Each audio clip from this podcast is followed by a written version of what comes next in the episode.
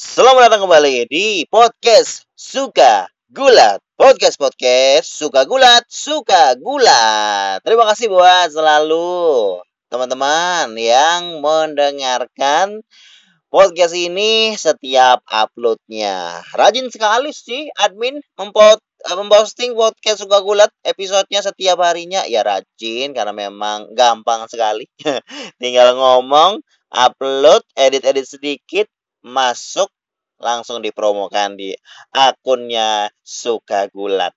Di episode kali ini kita coba fokus untuk membahas sedikit tentang episode Raw di pagi hari tadi yang tayang di hari Selasa pagi dan juga informasi tentang match match match yang baru aja diresmikan dikonfirmasi untuk uh, muncul di WrestleMania Night 1 dan Night 2. Informasi berikutnya datang dari Vince McMahon. Eh bukan ding.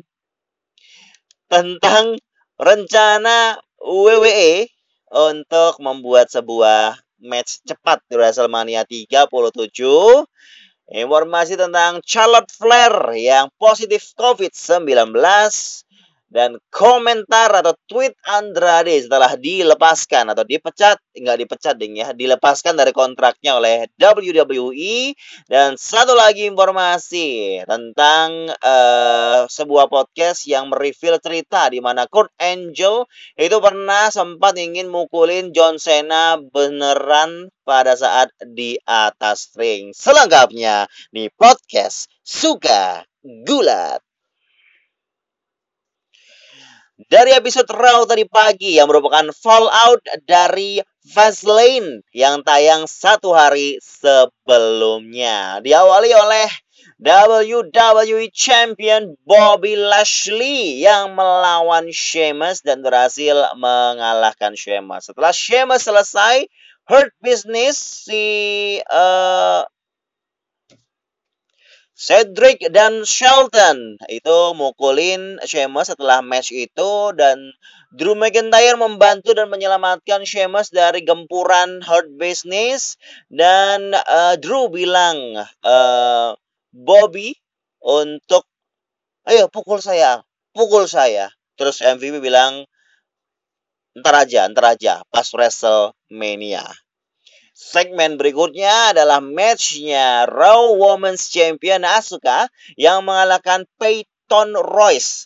Setelah match selesai, Rhea Ripley, the long-awaited debut di Raw, Rhea Ripley uh, datang dengan uh, langsung menuju ring dan menghadapi Asuka. Dan dia bilang, si Rhea Ripley bilang kalau Charlotte Flair, Charlotte Flair men-challenge menantang Asuka untuk uh, WrestleMania 37 tetapi Charlotte lagi kena COVID jadi tidak bisa akhirnya Ripley yang akan menantang Asuka untuk championship match at WrestleMania 37 dan Asuka menerimanya.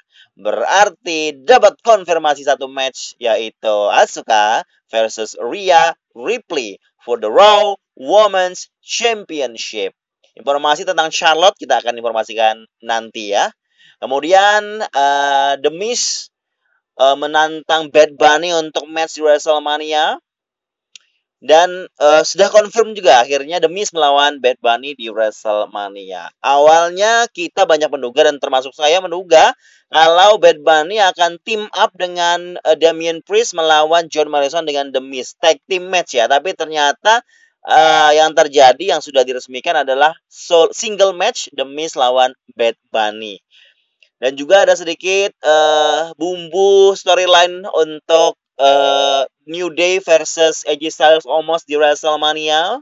Ada juga match uh, two on one handicap match yang mana kalau Drew McIntyre melawan Cedric Alexander dan Shelton Benjamin dan dia menang, nanti Cedric dan juga Shelton itu akan dilarang untuk berada di ringside pada saat WWE Championship match di WrestleMania 37.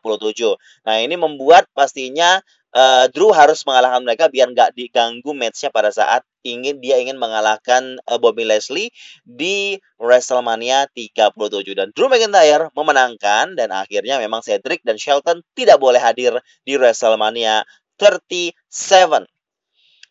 Kemudian uh, Bobby Leslie marah gitu ya. Dan dia uh, di backstage ngomong sama beberapa orang yang ada di locker room siapa pun yang bisa memukuli atau menghajar McIntyre sebelum WrestleMania uh, dia akan mendapatkan uh, kesempatan untuk match WWE Championship. Itu tentunya ini hanya untuk menjadi tambahan bumbu storyline aja ya untuk matchnya Bobby sama Drew McIntyre. Kita lihat saja nanti di episode Raw ke depannya kemungkinan ada yang akan mendapatkan championship opportunity walaupun nanti ya akan ada gangguan interfere dan lain sebagainya deh ya.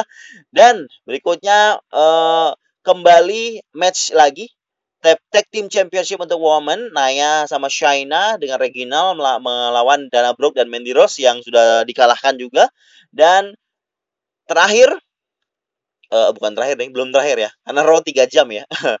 Ada Shane McMahon juga yang uh, sedikit uh, bergumul ataupun berbincang dengan Elias dan juga akhirnya mendapatkan Elias mendapatkan panggung untuk bernyanyi dengan sebuah lagu yang berjudul Stupid Brown.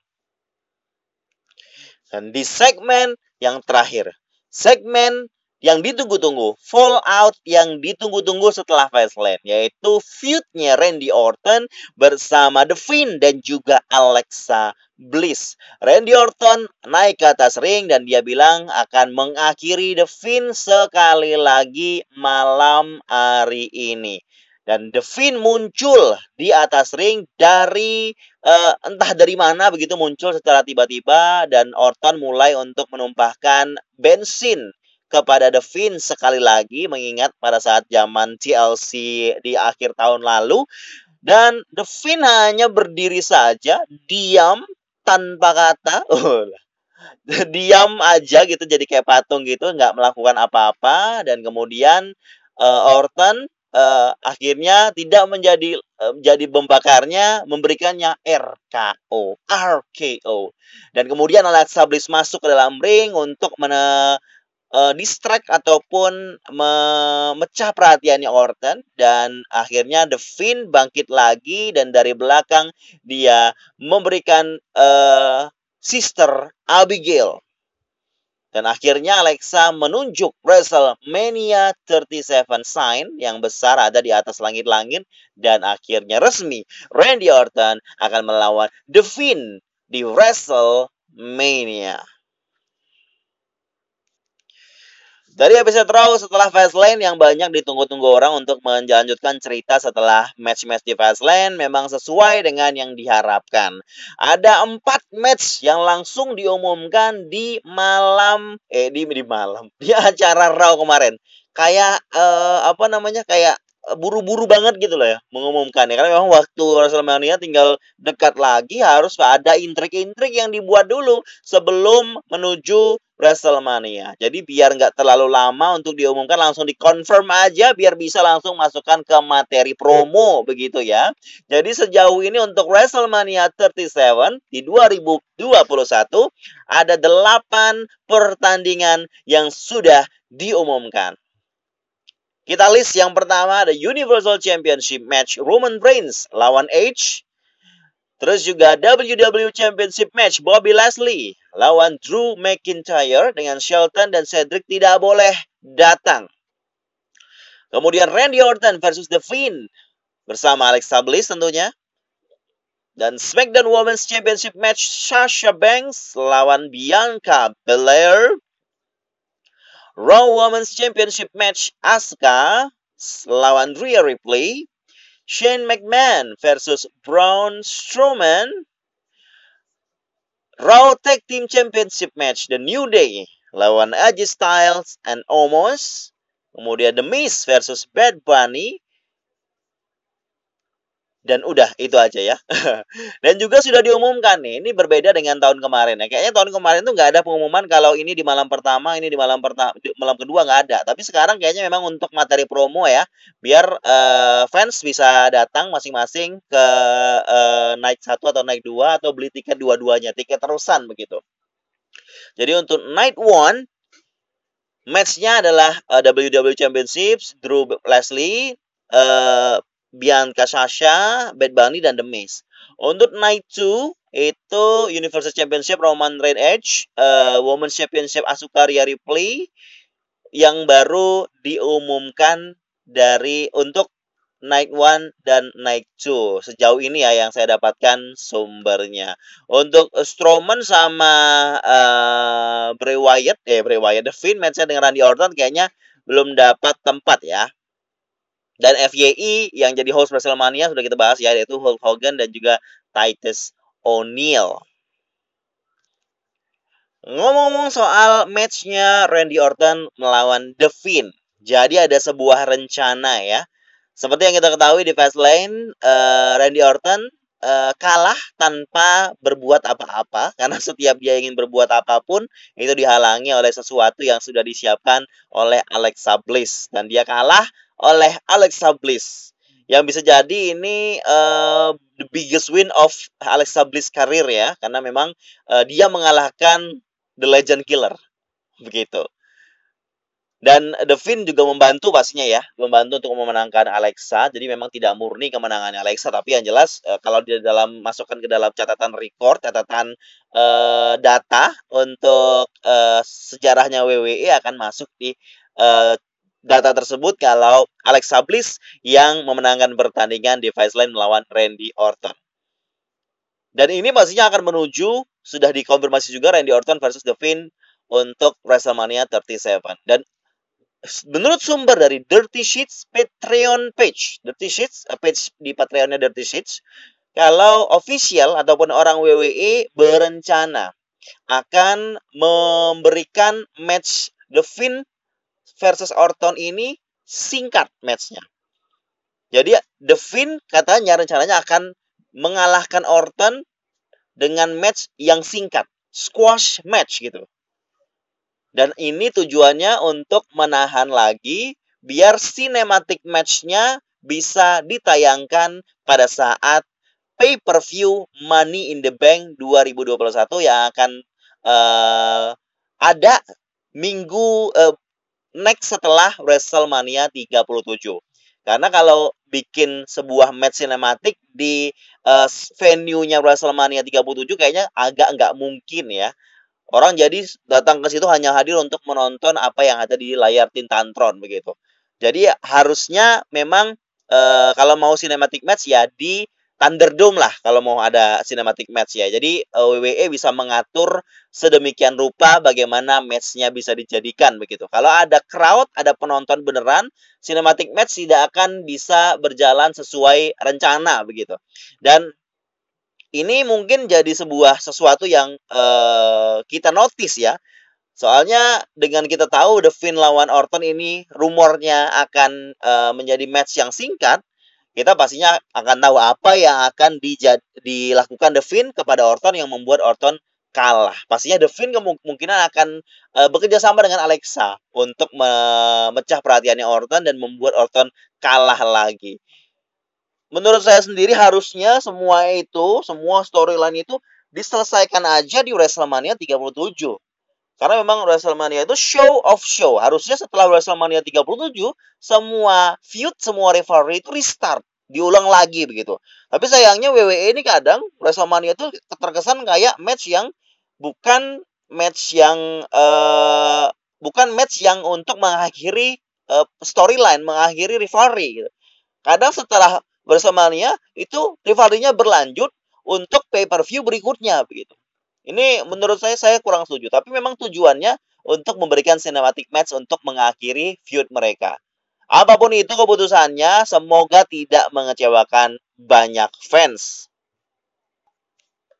Informasi berikutnya datang dari Charlotte Flair yang akhirnya buka suara kenapa akhir-akhir ini banyak rumor menyebar katanya uh, Charlotte itu tidak lagi masuk di kartnya WrestleMania 37 karena Andrade. Karena kasus dengan uh, karena skandal bukan skandal ya, karena Andrade yang minta keluar begitu. Dan itu membuat uh, wajahnya Charlotte di poster resminya WrestleMania itu dihilangkan begitu. Dan ini membuat orang berspekulasi, mungkin gara-gara Andrade yang pengen keluar, lu Charlotte digituin sama WWE atau mungkin masalah-masalah lain ya. Tapi sudah dikonfirmasi oleh Rhea Ripley juga di Raw dan juga Charlotte sendiri yang sudah mengumumkan melalui akun Twitternya kalau dia positif COVID-19. Dan dia bilang gini di uh, tweetnya ya, I know everyone has been wondering where I have been. I tested positive for COVID and I have been home resting. Thank you everyone for your love. Berarti sudah jelas. Padahal sebelumnya calon Flair itu menantang Asuka dan Asuka uh, sepertinya udah harus siap menerimanya ya. Dan uh, sepertinya Charlotte Flair keluar dari uh, kartnya WrestleMania memang tujuannya biar dia bisa uh, rest ataupun istirahat pas saat COVID-19 ini. Walaupun kadang kalau ketika kita mungkin tested positif kayak gini bisa aja uh, Charlotte Flair itu bikin story-nya kayak zaman waktu awal-awal corona di mana Sheamus itu nggak bisa datang ke acara SmackDown waktu feud sama Jeff Hardy begitu. Jadi dia tahu dari rumah begitu ya. Kalau ada yang ingat uh, feud itu di SmackDown. Dan eh, nggak uh, tahu di keputusan kenapa Charlotte Flair diginiin mungkin karena biar ya udahlah karena Rhea Ripley baru debut ya udah Rhea Ripley aja yang menggantikan posisinya Charlotte biar Charlotte istirahat aja walaupun kalau misalnya dia istirahat COVID-nya kan 14 hari gitu karantinanya ya. Bisalah dia menuju WrestleMania karena WrestleMania ya ada sekitar beberapa, hari lah sebelum itu setelah Charlotte Flair nanti uh, udah di udah selesai karantinanya gitu. Tapi memang WWE memutuskan Rhea Ripley aja karena Rhea Ripley dengan Asuka juga lumayan oke okay matchnya. Mungkin memang WWE uh, bertujuan untuk membesarkan ataupun membuat hype untuk Rhea Ripley ini debutnya di WrestleMania itu jadi lebih menarik begitu ya. Ya. Pastinya hadirnya Rhea Ripley di WrestleMania akan menjadi sesuatu yang bisa dibilang cukup menarik walau tanpa Charlotte Flair ya. Kan di tahun sebelumnya Rhea Ripley melawan Charlotte Flair. Kali ini Rhea Ripley menggantikan Charlotte Flair untuk melawan Asuka harapan saya besar untuk Rhea Ripley karena debutnya aja udah bagus, langsung nunjuk WrestleMania, langsung nantang Asuka dan langsung diterima. Ini debut yang sangat luar biasa untuk seorang Rhea Ripley yang merupakan NXT call up yang pastinya sudah uh, mendeliver ataupun memberikan match yang luar biasa pada saat WrestleMania sebelumnya dan WWE mengharap uh, sepertinya juga memberikan harapan besar untuk Rhea Ripley membuat uh, matchnya bersama Asuka menjadi lebih menarik dan menakjubkan serta spektakuler untuk show of show.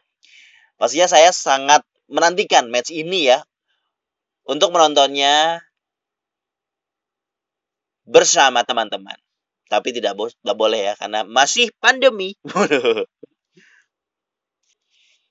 Ngomong-ngomong soal Charlotte, kita ngomongin soal pacarnya Charlotte, yaitu Andrade, yang baru aja sudah diputuskan oleh WWE kalau dia sudah dilepas dari kontraknya.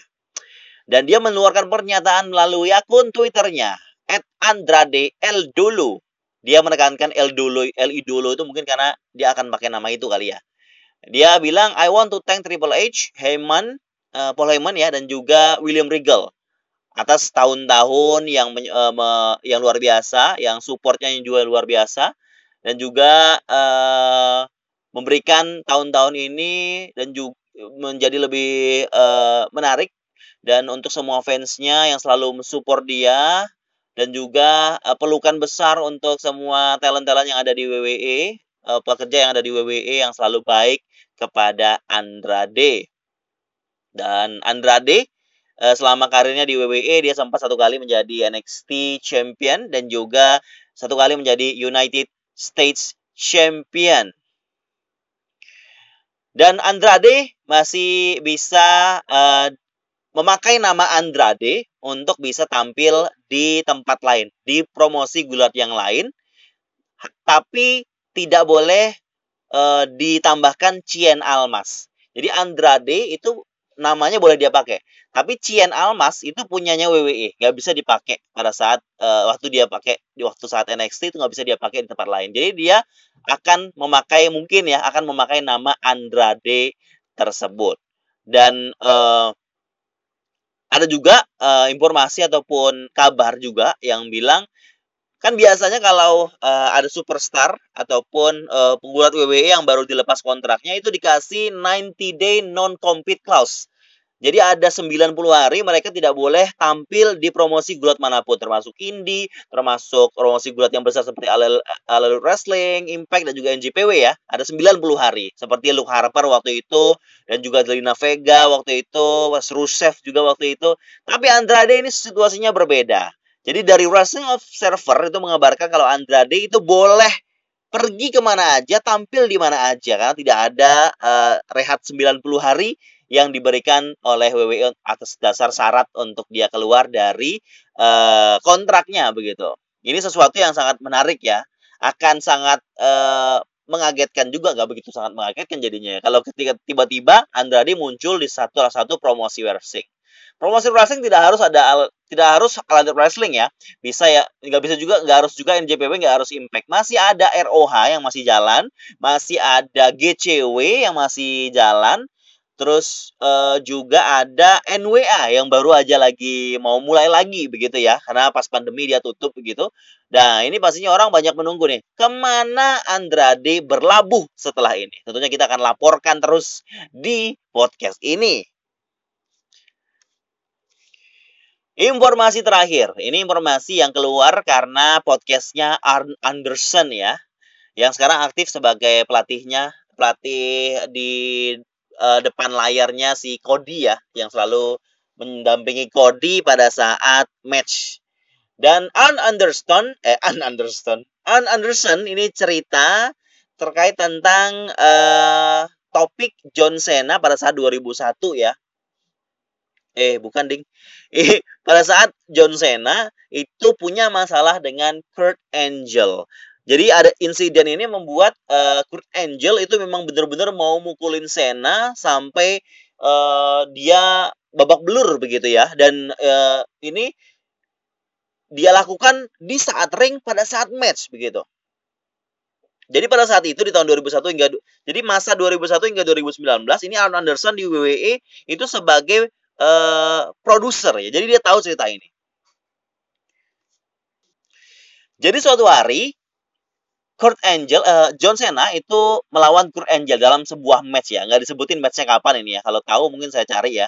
Tapi yang jelas uh, pada saat itu John Cena melawan Kurt Angle. Dan uh, pada saat itu ya Kurt Angle sebuah uh, sesuatu hal yang besar ya. Dia seorang yang ya memang kalau di atas ring dia selalu all out gitu. Selalu terkesan brutal begitu ya pada saat di atas ring. Dan uh, pada saat match itu secara tiba-tiba John Cena itu pada saat match di tengah-tengah match dalam waktu yang uh, random gitu dia keluar dari ring dan keluar ke arah penonton. Ke arah penonton naik ke tangga penonton se kayaknya sekitar 15 uh, eh, baris gitu baris ke 15 gitu. Dan dia mengambil uh, tangan tangan tanganan yang bentuknya kayak uh, gabus gitu ya yang ada tulisan tangannya kayak John Cena yang tri tangan tiga itu tiga jari itu ya dia pegang dan dia lipat terus dia lupa jadi kayak eh, burung gitu terus dia uh, arahin ke Kurt Angel ini membuat penonton langsung semangat langsung sangat bersemangat terkait hal tersebut. Jadi uh lagi jadi langsung jadi rame begitu. Dan setelah itu ya ya cuma gitu doang. Akhirnya John Cena balik lagi ke dalam ring dan langsung bergabung kembali lagi bersama Kurt Angle untuk matchnya dilanjutkan gitu. Yang saat itu Kurt Angle ya tidak senang dengan apa yang dilakukan John Cena. Karena saat itu harusnya itu uh, tidak terjadi karena tidak ada rencana seperti itu. John Cena yang saat itu mungkin masih baru-baru banget ya nggak tahu hal itu sesuatu yang sangat bisa menyebalkan dan juga sangat dilarang untuk dalam sebuah match. Dan uh, si Kurt Angle melihat itu dan menunggu John Cena di dalam ring pas John Cena datang sangat-sangat tidak senang. Sangat-sangat membenci apa yang sudah dilakukan oleh John Cena. Dan membuat hal itu membuat Kurt Angle langsung memukuli John Cena beneran. Sampai beneran kayak berantem begitu mukulnya itu kayak mukulin beneran gitu ya. Jadi cerita dari uh, Ann Anderson seperti itu. Dan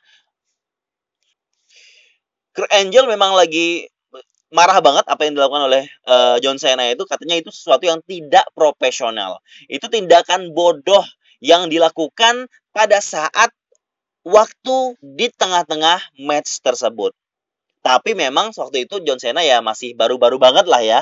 Dan uh, itu yang harus dilakukan.